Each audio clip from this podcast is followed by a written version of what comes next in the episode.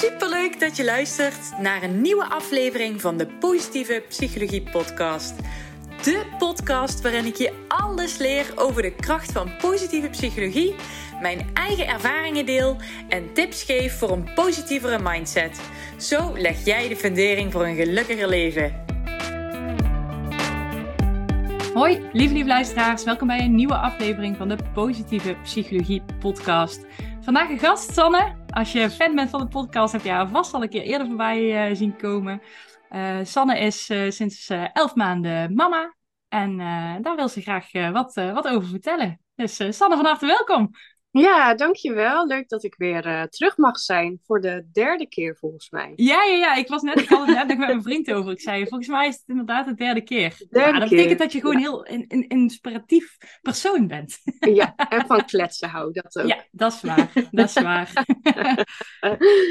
ja. hey, want elf maanden geleden werd jij, uh, werd jij mama. Ja. Uh, ja. Ik kan me voorstellen dat je leven sindsdien echt helemaal veranderd is. Ja, klopt. Ja, nou moet ik zeggen dat dat eigenlijk al wel begon bij mijn zwangerschap. Op het moment dat je zwanger bent, wist dat was voor mij dan. Uh, opeens ziet je leven er gewoon heel anders uit. Je kijkt anders naar dingen. Ik had altijd van tevoren een beetje een mening over moeders die het alleen maar over hun kinderen konden hebben. En opeens was ik diegene. ja, die alleen maar aan die baby kon denken in mijn buik. Uh, moet zeggen dat dat na een aantal weken ook wel wat minder wordt. Maar dat, uh, ja, jouw, uh, je lijf neemt je gewoon over in je brein. Je bent alleen maar daarmee bezig eigenlijk. dus toen begon dat. Maar eigenlijk vanaf het moment van haar geboorte, ja, dat is gewoon iets heel gekkigs. Enerzijds, ehm, ja, is het iets heel nieuws. En anderzijds voelt het ook gelijk vertrouwd. En, en ben je heel snel gewend in die oude rol eigenlijk. Mm. Ja. ja. En welke dingetjes voelde dan heel vertrouwd en wat juist heel onwennig? Nou, ik had altijd van tevoren dat ik dacht, ja, hoe weet je nou wat je moet doen? Mm -hmm. Want ja, het was ons eerste kind. Ik heb ook geen jongere broers of zussen. Dus uh, ja, ik ben de jongste in onze familie, zo'n beetje. Ik heb veel neven en nichten, dus ja, je hebt dat niet echt zo meegekregen of zo. Je was ja, de eerste ook binnen jullie familie die uh, nee, nee, nee, dat niet. Ja, dat ik niet. heb wel in het achterkleinkinderen, of achter, uh, hoe noem je dat? Achterneefjes, nichtjes, maar daar sta je toch iets verder vanaf of ja, zo. snap ik. Ja. ja, daar doe je dan toch, tenminste, ik heb nooit hun luifers gewoon. En ik heb wel opgepast, maar dat is toch anders. Je weet dat dat na een paar uurtjes klaar is. En uh, ja, en nu kom je thuis om zes uur en komt de kraamzorg even uitleggen hoe je kruikjes in bed moet leggen. En dan zeggen ze, succes, zoek het uit. ja. Ja, ja, ja, helemaal kut. Of dat viel er mee? nou, wij vonden dat wel heel erg spannend, ja. ja en de volgende ochtend zeiden we ook, oh, ze leeft nog, gelukkig. Ze doet het nog, ja. Uh, dus dat was even spannend. Maar verder, uh, ja, bijvoorbeeld, ik wilde heel graag borstvoeding geven. Uh, ik weet van mijn moeder dat dat niet zo makkelijk ging. Dus ik ben heel snel, is ze overgestapt bij mij met kunstvoeding, helemaal prima. Dus ik had altijd een beetje zoiets van, nou, als het maar lukt. En bij mij lukte dat dus heel goed. Uh, okay. Dus dat ging eigenlijk allemaal uh, vanzelf. Mm -hmm. Ja, dat soort, dat soort dingen. En hoe je erop pakt. Uh, je voelt gewoon wat je moet doen. En dat is wel heel iets bijzonders eigenlijk. Ja, heel intuïtief eigenlijk. Ja, ja, ja. klopt. Ja, ja fijn. Ja. ja. Ja. Dat compenseert dan voor alle zorgen en onzekerheden die, er, die erbij komen waarschijnlijk. Ja, want die heb je wel hoor. Zeker de beginfase. Je zit natuurlijk nog zo met je eigen hormonen, uh, vermoeidheid, want je slaapt natuurlijk uh, niet heel veel. Alleen als zo'n bevalling, ik denk dat ik met de bevalling was ik dus al twee nachten wakker. en toen de nacht dat ze voor het eerst bij ons thuis sliep, ja, bij elk geluidje ga je kijken. Dus ik ben drie dagen heb ik eigenlijk niet geslapen. Hmm. Helemaal adrenaline heel, door je lijf waarschijnlijk. Ja, ja, klopt. Ja. ja, dus die periode van herstel, ja, je hebt dat wel echt nodig. En dat brengt gewoon heel veel onzekerheden. En uh, heel veel mensen die toch wat van je moeten of zo. Ik was ook heel blij uiteindelijk toen de kraamweek voorbij is en de kraamzorg weg was. In de, ondanks dat het echt een hele fijne vrouw was en ze ons echt heel veel ondersteunt. Maar gewoon de hele dag iemand in je huis hebben, is ook best wel vermoeiend. Ja, ik kan me voorstellen, op een gegeven moment ook wel weer behoefte aan privacy en gewoon ja. met het gezinnetje zelf zijn. Ja, ja precies. Ja. Ja. Ja. En dan? Dan is ze er. Ja, dan is ze er en dan gaat het echt beginnen. Ehm, wat wel tegenwoordig heel fijn is, en ik bedoel, dat is niet verplicht, maar ehm, eh, geboorteverlof van een partner is eh, vijf werkdagen. En dan heb je nog aanvullend geboorteverlof van vijf weken, volgens mij uit mijn hoofd, tegen 70% uitbetaald. Mhm. Eh, en Melvin heeft dat ook gebruikt. Dus wij zijn zes weken samen geweest. Dat zou ik iedereen aanraden. Want je kan zo ontlast worden. En dat is voor jouw herstel als vrouw zijnde ook zo eh, belangrijk en, en fijn. Ehm, wij zeiden ook na die week tegen elkaar van... Kun je je voorstellen dat jij nu weer had moeten gaan werken? Dat ik gewoon dan helemaal het in mijn eentje zou moeten doen heel de dag. Ja, maar het was eerst twee dagen, toch? Eerst was het twee dagen, ja, Ja. klopt. Belachelijk. Ja. belachelijk. Ja, dan moesten vaders of moeders eh, eh, die partner zijn van, eh, van de vrouw maar vakantie opnemen of onbetaald verlof of hoe je dan ook vrij wilt nemen. Mhm. Maar het is natuurlijk van de gek eigenlijk. Ja. En het is, die eerste periode is sowieso heel bijzonder. En alle bezoek die komt. Dus hoe lekker Ja. is het dan om gewoon met z'n tweeën te zijn? Ja, precies. Ja. Ja, ja heel relaxed. En heb Ja. je veel last gehad van je lijf na de bevalling? Ik moet zeggen dat mijn herstel best wel eh, vlot verliep. Ja. Eh, ik had wel hechtingen, maar dat heelde heel snel. Die waren eigenlijk na een paar dagen al niet meer te zien. Dus ze is via de natuurlijke weg gekomen. Ja, ja, Ja. ja, ja, ja, Om het klopt. zo maar even te benoemen. Ja, nee, dat klopt. Ja. Ik eh, heb wel een pittige bevalling gehad. Ik heb er 26 uur over gedaan. Eh, nou, dat is lang, kan ik je Ja. vertellen. Dat eh, kan ik me voorstellen. En, en, en waarom duurt, duurde het dan zo lang? Mijn ontsluiting bleef hangen. Dus je moet, voordat je kan persen, moet het op 10 centimeter zitten. Ja. Ik zat na 13 uur nog steeds op 4. Oh. Eh, ja, dus ik had een hele positieve mindset, want daar gaat het uiteindelijk om. Je moet proberen positief te blijven in je hoofd van ik kan dit. En dan, dan kan je jezelf echt wel heel ver eh, doorheen eh, schoppen. Maar ik merkte na 13 uur en de verloskundige kwam dan om de twee uur even kijken van nou hoe ver is het. En mijn weeën die kakte ook een beetje in. Dat die positieve stemmen steeds lichter werden in mijn hoofd. En ik steeds meer ging denken ik kan het niet. Het gaat me niet lukken. Omdat en je wordt ook moe van- en je hebt waarschijnlijk Je veel moe. pijn. Ja. ja, klopt. Ik had ook rugweeën. Dat zijn hele heftige in plaats van in je buik. Dat doet veel meer pijn eigenlijk. Dus ja, al met al, eh, ik wilde heel graag thuis bevallen. Maar op een gegeven moment zei ik, ik wil niks meer voelen. ik wil een ruggenprik. Ik wilde alleen maar een ruggenprik. Terwijl ik van tevoren altijd gezegd heb, dat wil ik niet. Mhm. Ja. Maar op een gegeven moment word je gek. Op een gegeven moment word je gek. ik- Dan wil je ik- alle paardenmiddelen die er zijn, ik zei, denk ik ga het niet trekken. Ik kan het gewoon. Ik, het gaat gewoon niet. Dus ja, toen, heb ik, eh, toen zijn we naar het ziekenhuis gegaan. En daar heb ik dus eh, nou, op zich vrij snel binnen twee uur een ruggenprik gehad. En ik zeg vrij snel, omdat je ook wel eens verhalen hoort eh, waarin het te lang duurt en dat het dan ook niet meer kan. Oh, Omdat ja, je dan toch te Ja. ver bent. Nou, dat was bij mij niet zo. En weeopwekkers, dus ik heb ook nog liggen slapen. Want je voelt gewoon op een gegeven moment niks meer. En eh, ja, om eh, tien voor twee s'nachts is geboren. Oké, dus daarna, daarna is het vrij snel gegaan. Ja, ja. ja. Ja, gelukkig wel. Ik, eh, nou ja, ik had dus een ruggenprik waar je met een pompje de dosering elke 20 minuten weer, dat je het in kan drukken, zeg maar. Mhm. Dus dan krijg je een nieuw shot. En dat doe je zelf? Ja, dus het was met een soort kathetertje in mijn rug eh, geprikt. En daardoor Ja. kon ik ook gewoon mijn voeten en zo nog bewegen. Dus ik was niet volledig eh, verdoofd eh, aan de onderkant. Alleen rondom het gebied, zeg maar, waar die weeën komen. Ja, daardoor voelde ik bijna niks. Daar in ieder geval. En daardoor kan je ook stoppen met dat pompje. En als je dan die persfase ingaat, dan is het weer uitgewerkt. En dan kan je weer volop kracht zetten. Dus dat, vond ik, eh, dat heb ik eigenlijk als heel positief ervaren. Omdat je dan maar ook een vorm van in control bent eigenlijk. Ja, Ja, klopt. Ja. En ik zag op een gegeven moment zag ik die eh, weeën weer. Want aan, aan die monitor zie je ook de sterkte van de weeën. Die zag ik weer inkakken op het moment dat ik richting de 10 centimeter ontsluiting ging. Ik dacht, nee meid, wij gaan door. Ik ben al 24 uur bezig. Dus ik druk op dat knopje. Die verpleging komt. Ik zeg, luister, kan jij die eh weeopwekkers er weer ingooien? Want eh, we zijn veel te lang bezig al. Ik zeg, dat kind moet eruit.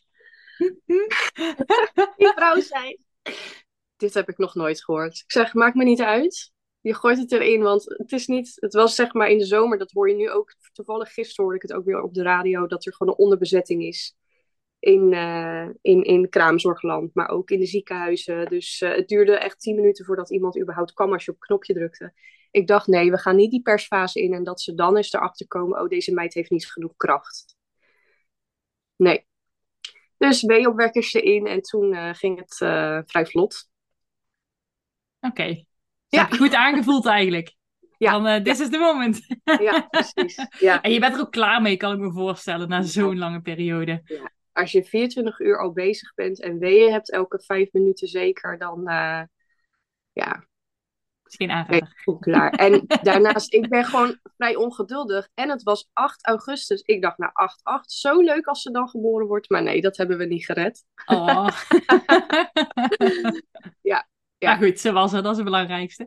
Ja, nou, en ik denk ook dat, dat zeg je wel mooi, dat heb je goed aangevoeld. Ik denk in het hele ouderschap wat ik nu deze elf maanden wel geleerd heb en waarvan ik uh, merk dat het niet erg gebruikelijk is, is naar je gevoel luisteren.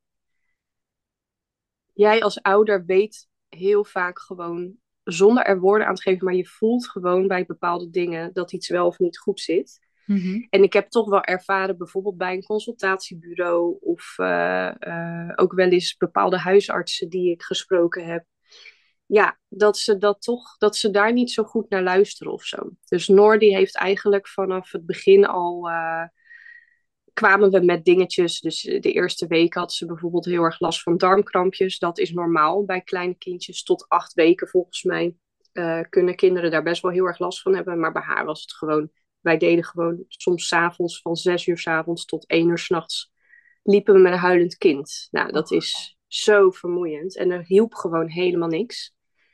En ze had heel veel uh, vieze poepluiers. Ze, ze stonk altijd als ze een scheetjes liet. Dus ik voelde al van dat zit niet helemaal goed. Maar dan geef je dat aan als je op controle moet komen bij het consultatiebureau. En dan zeggen ze, dan wuiven ze het eigenlijk direct weg. Je merkt gewoon dat ze een soort van niet willen dealen met zeurende ouders of zo. Ja. En, en waarom, waarom, waarom denk je dat, dat, dat ze er zo in staan? Waarom hebben ze die attitude? Zijn er bijvoorbeeld ouders die er misbruik van, te vaak misbruik van hebben gemaakt? Of... Zou kunnen, maar aan de andere kant, ik denk dat we in Nederland heel veel rationaliseren. Alles moet maar een soort van uh, verklaard kunnen worden of uh, woorden aangegeven worden. Terwijl ik ook de laatste jaren heel erg wel leer dat eigenlijk je gevoel zoveel kan zeggen hmm. als je daar goed naar luistert. Uh, ja, dat, dat is op allerlei vlakken en dat is met een kind niet anders.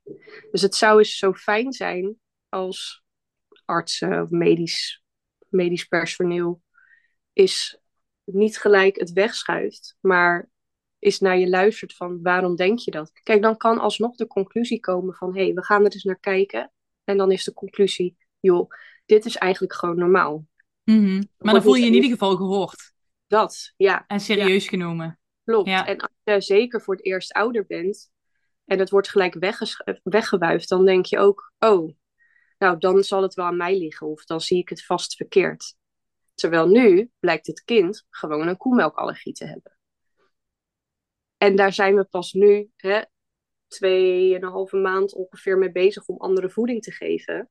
Hmm. Ik ben vanaf januari al bezig met eczeemplekken bij haar weg te krijgen, met van alles en nog wat.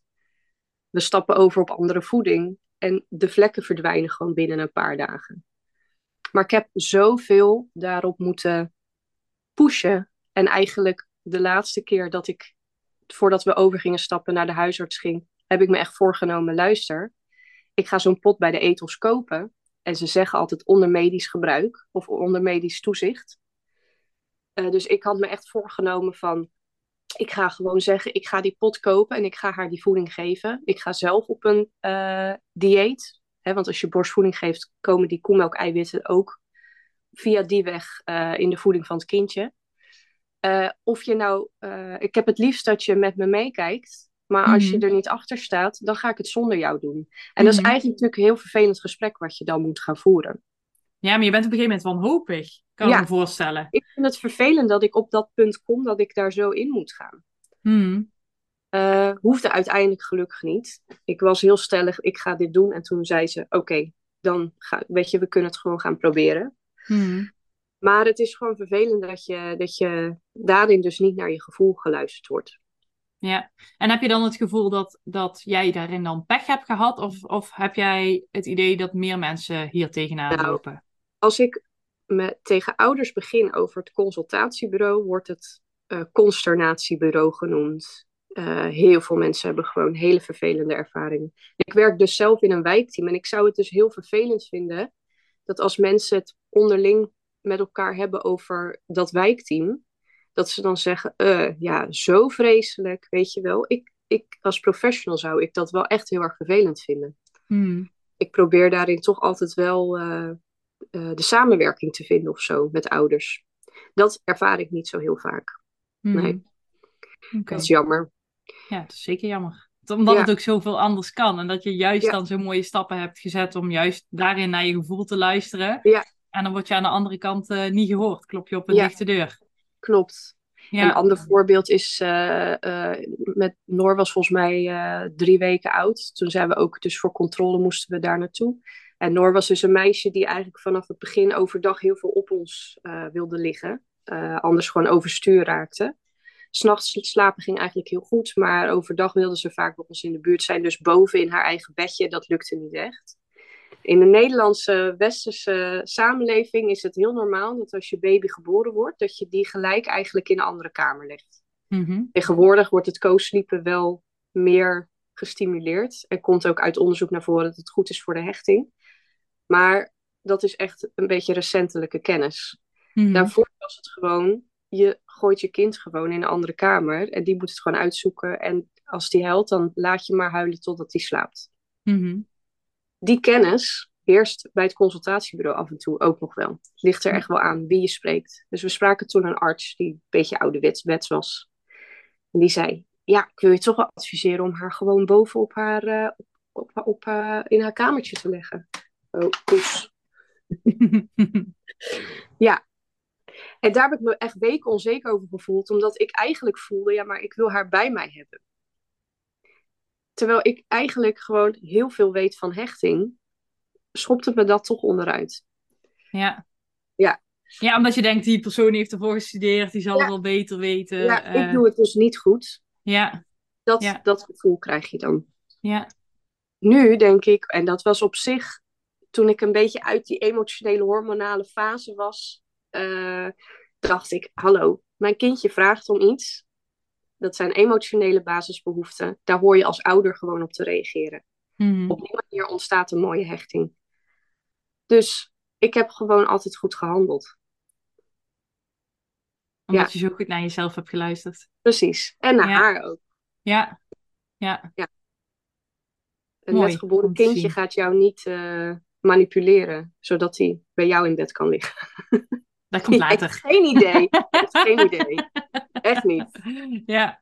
Ja, ik weet- Het, het, het grappige is, terwijl je dit aan het vertellen bent, en, en het is misschien helemaal eh, eh, een raar vergelijk wat ik nu ga maken, maar ik heb natuurlijk Mila, de hond. Ja, ja. En dat was hetzelfde. De fokker ook zei, een kind. "Eh, laat maar beneden liggen. En al, al schreeuwt hij moord en brand. Ja. Nou ja, eh, we hebben twee maanden lang alles geprobeerd. En op een gegeven moment ernaast gaan liggen. Nou ja, en op een gegeven moment hebben we die bandje naast zijn bed gezet. Toen was het goed. Die Ja. was voor het eerst keer stil. Nou, maar na twee maanden, je kan ook niet meer, joh. Jij Nee, bent gewoon op. Je bent Ja. echt helemaal op. Ja. En daarna was het goed. Dus ze wilden gewoon bij ons zijn. En toen was het goed. Ja. Ja. Ik denk, ja, weet je. En die fokker was het niet mee eens. En die zei ook, ja, dat kan helemaal niet. En je moet gewoon doorzetten. Ik dacht, eh, het is goed met je. Na twee maanden ben ik er helemaal klaar mee. Ja. Ja. Maar moet je je voorstellen dat je als babytje of als baby, hondje, het maakt allemaal niet uit, maar op, op de wereld wordt gezet. Bij Mila is het ook nog eens zo dat zij bij de mama weggehaald wordt. Ja, Dat jij haar nieuwe mama bent. Ja, zeker. niet aan jouw tepel lurken. Gelukkig niet. Dan zou er eens bij moeten komen. Maar dat zijn wel dingen die zij mist. Dus wat kun je dan doen? Veiligheid bieden. Ja, En dat zijn gewoon dingen dat ik denk, dat is zoveel meer belangrijker dan dat je al bang bent. Oh, dan ga ik een gedragspatroon eh, creëren of iets. En het mooie met gedragspatronen, je kan ze ook weer aanpassen. Kost misschien moeite en tijd als ze wat ouder zijn. Maar het is niet, weet je, eh, ja, hoe zeg je dat? Het is niet forever of zo. Als jij Mhm. merkt, het werkt niet meer voor mij, dat die bench naast je bed zit, dan kun je het ook weer gaan afbouwen, toch? Ja, zeker. Want hoe heb jij Ja. dat nou gedaan? Eh co-sliepen jullie nog steeds? Of ligt ze inmiddels wel... eh, Nee. Ik wou zeggen in haar eigen mandje. In haar eigen mandje ligt ze nu. Ja, ja. Ik denk dat Ja. ze een- week of acht was, dus eigenlijk best wel snel. eh, was ik er klaar mee. In de zin van, ja, het staat toch in jouw slaapkamer. En het staat eigenlijk gewoon in de weg. Mhm. Ehm, toen ging ze voor het eerst bij mijn ouders slapen en daar sliep ze op een andere kamer. En dat ging gewoon goed. En toen dacht ik, jij kan dit gewoon. toen hebben we er een paar dagen later ook op haar eigen kamertje gelegd. En eh, ja, sindsdien slaapt ze gewoon daar. Maar ja, ze het gewoon nodig gehad die eerste paar weken, toch? ja, Ja, precies. nou en ja, de prima. Een, eh, de een doet dat een paar weekjes en de ander doet het maanden. En sommige mensen die slapen jaren met hun kind zelfs tussenin. Ja, je moet gewoon doen waar jij je goed bij voelt. Ik denk degene die daar een probleem van maken, uiteindelijk zijn die niet belangrijk. Want als jij je gewoon oké voelt, zelfs als een kind dus tussenin ligt. Kijk, als een kind zes jaar oud is en het ligt nog tussenin, kun je je afvragen, is dat nodig? Elke nacht, hè? Dat is dan misschien Elke ook nacht. wel... eh, Weet je, Ja. inderdaad.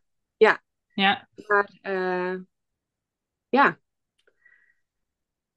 ik, ik denk dat je daarin eh, dat het voor dat er dat er niet er is niet één maatstaf waar je aan kan vergelijken. En Maar ik denk dat- dat, Oh, Ja? sorry. Ja. Nee, ja, ik denk is dat dan niet gewoon het advies voor iedere nieuwe ouder aan zich dat je gewoon moet doen wat voor jou goed voelt? Is dat dan Ja, niet het allerbelangrijkste advies?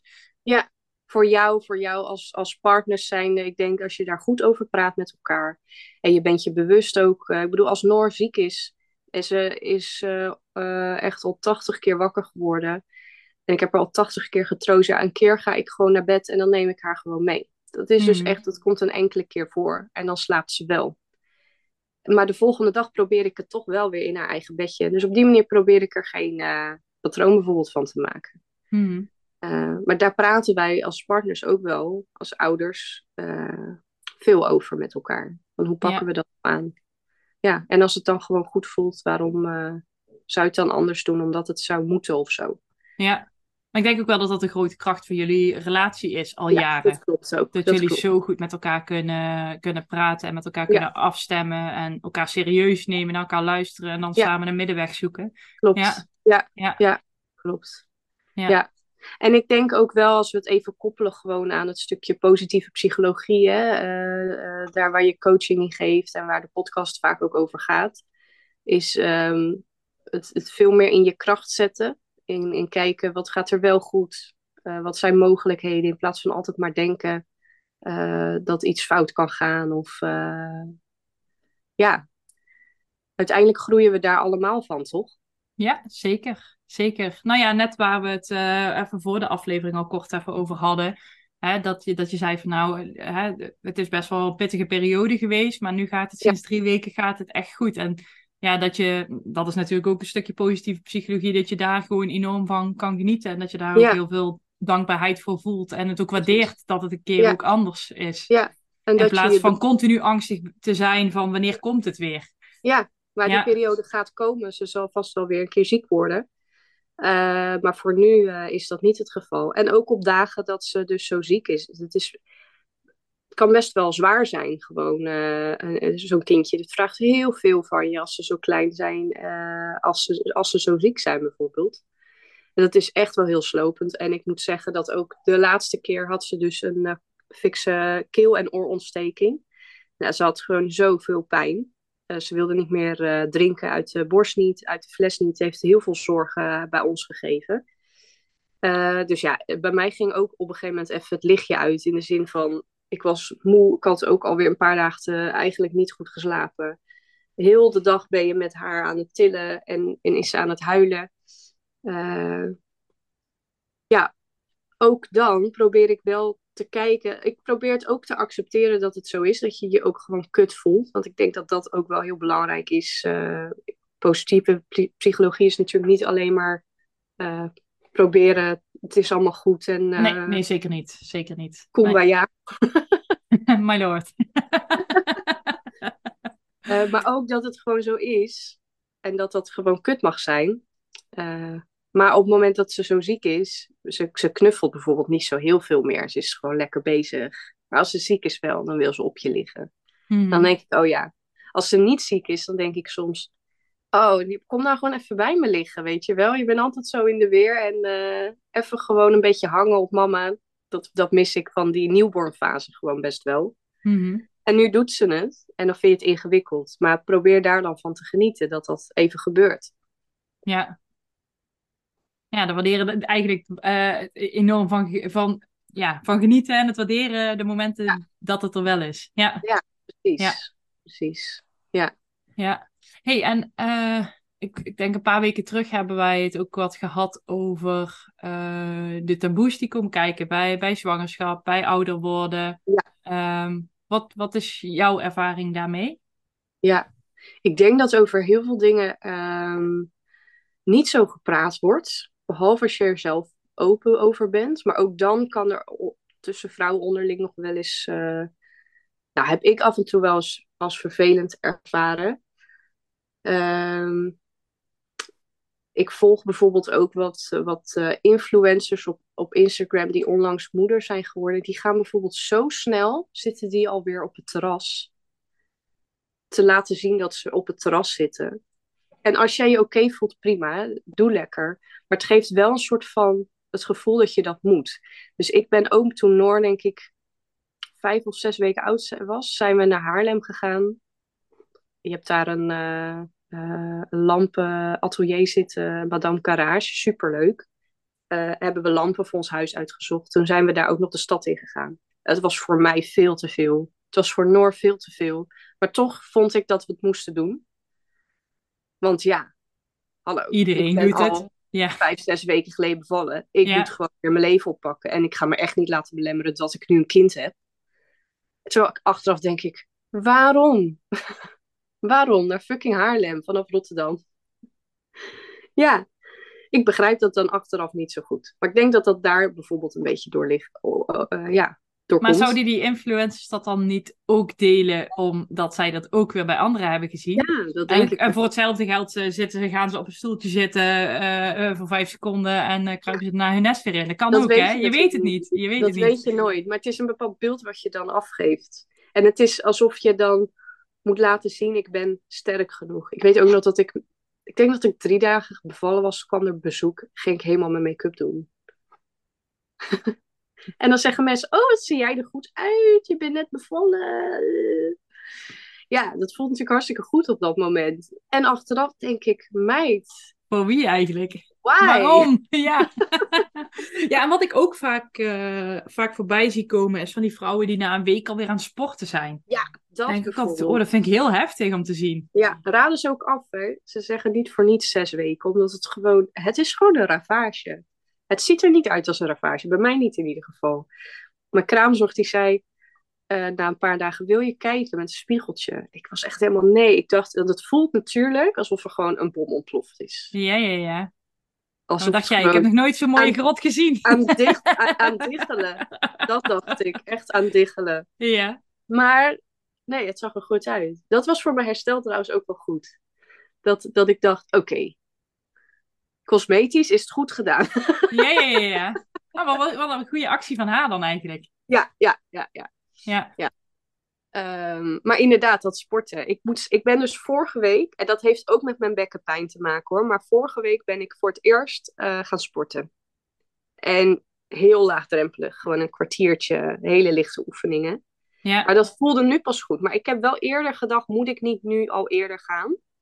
En hetzelfde geldt eigenlijk eh, met seks bijvoorbeeld.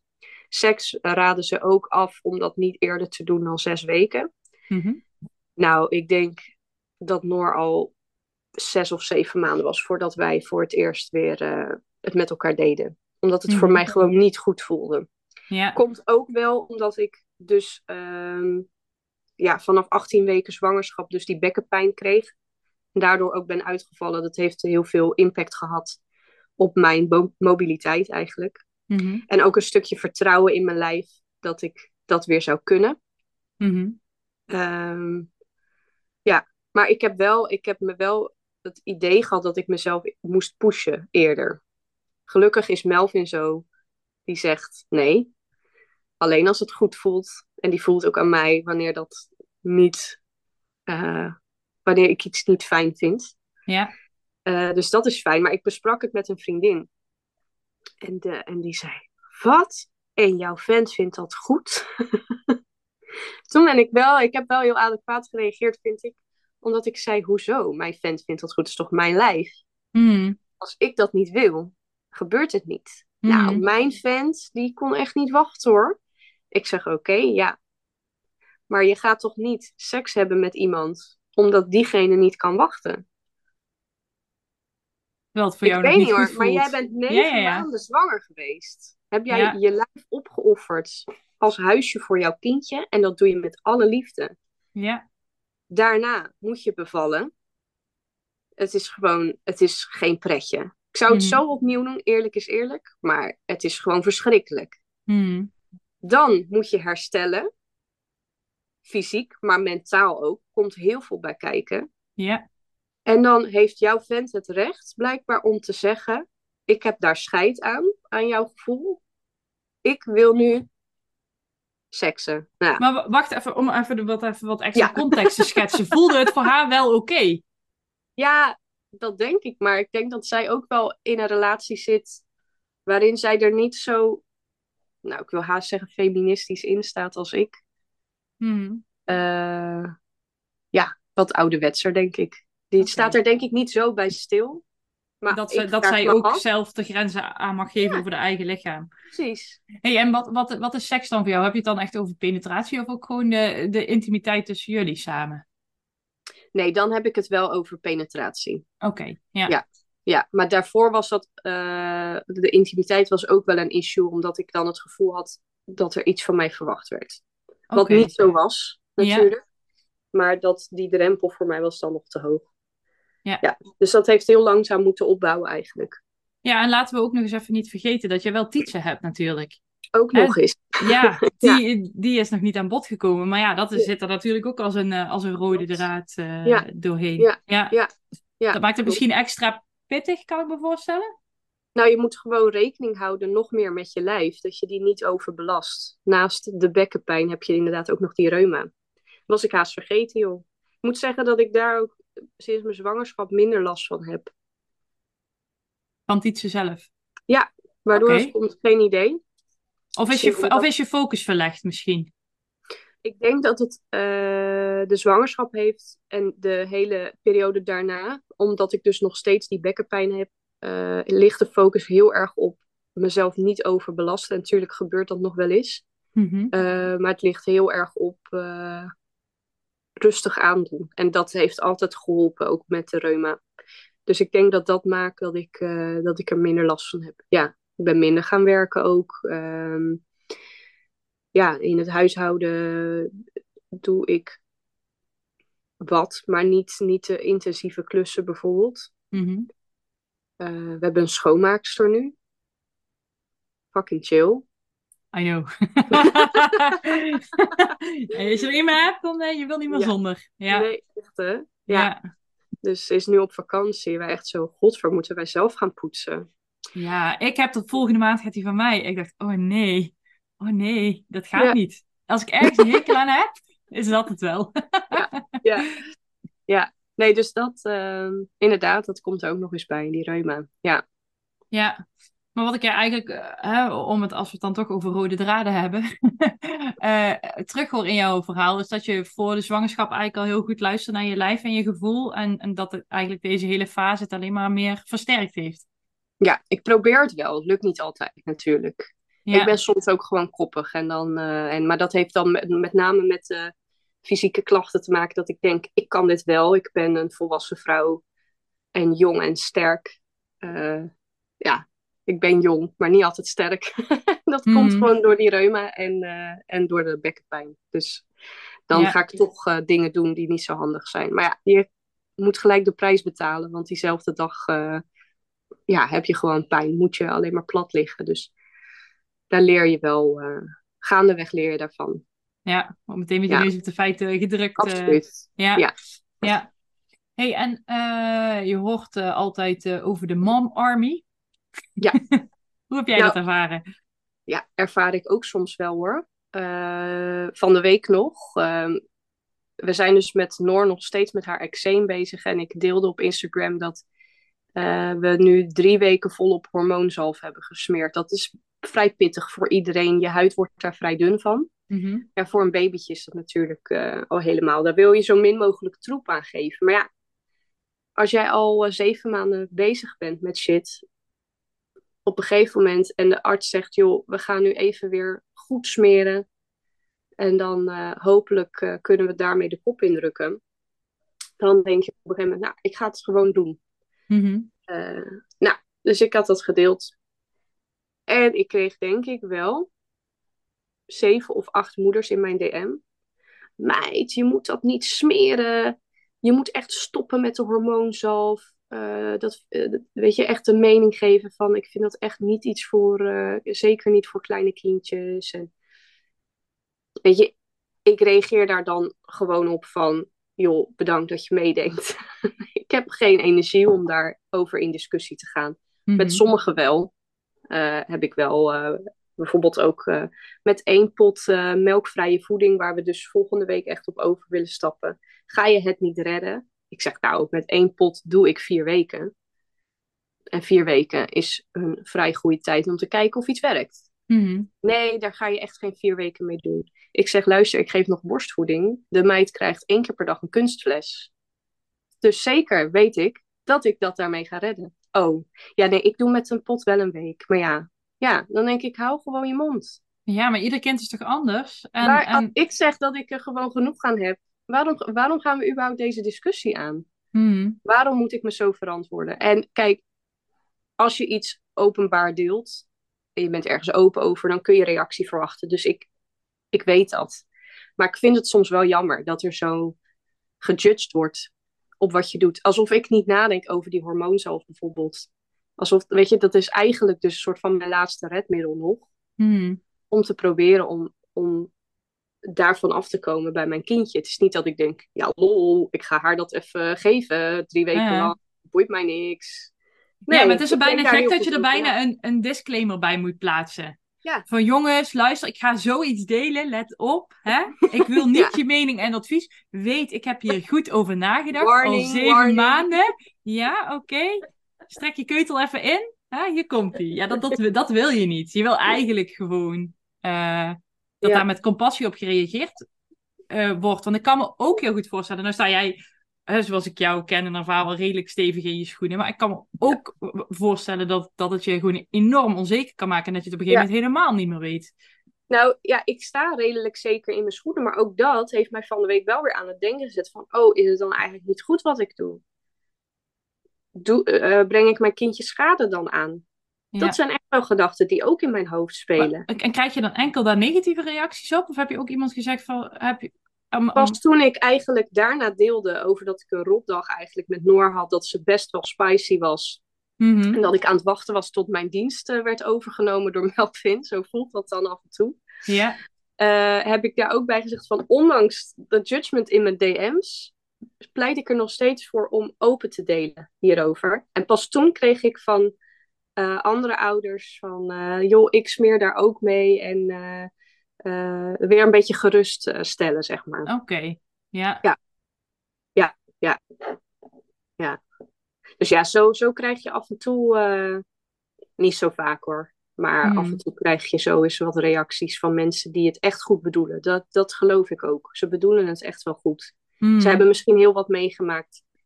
En uiteindelijk werkt iets anders. En dat willen ze dan delen. En dat, dat waardeer ik. En die tips neem ik ook gewoon mee. Maar eh, eh, soms moeten ze even stilstaan bij hoe ze iets eh, brengen of zo.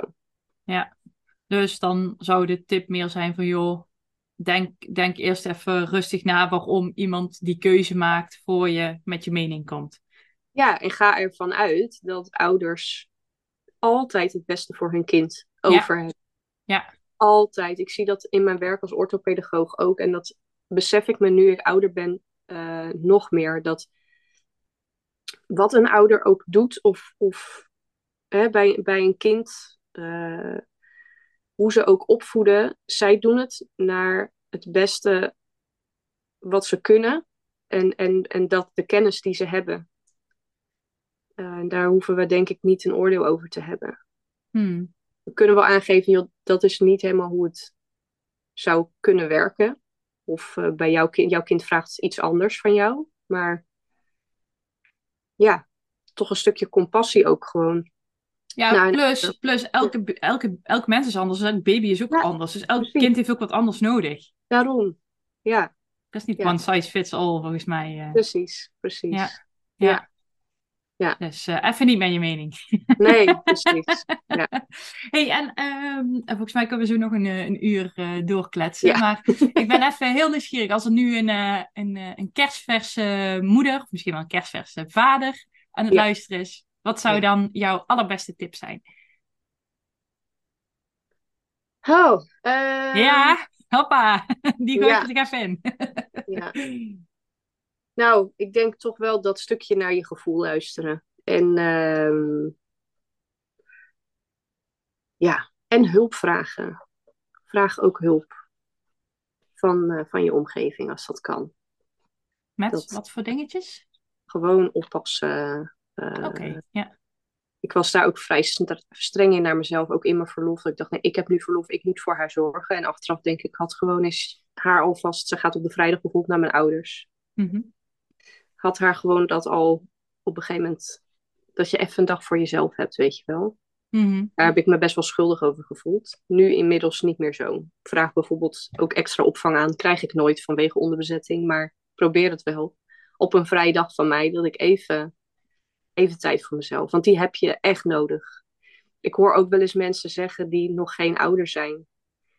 Bijvoorbeeld eh, over ehm, eh, dat ze dan van ouders zien dat ze, dat, ze het zo, dat ze het spittig vinden. Of dat ze echt zeggen, ja, ik heb haast geen tijd meer voor mezelf.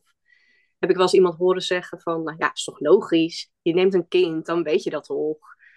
Ja, tuurlijk weet je dat. Dat je weinig tijd voor jezelf hebt. Maar het echt ervaren daarvan. En de behoefte die je toch hebt om ook tijd voor jezelf te hebben. Dat, dat kun je pas weten als je een kindje hebt. Mhm.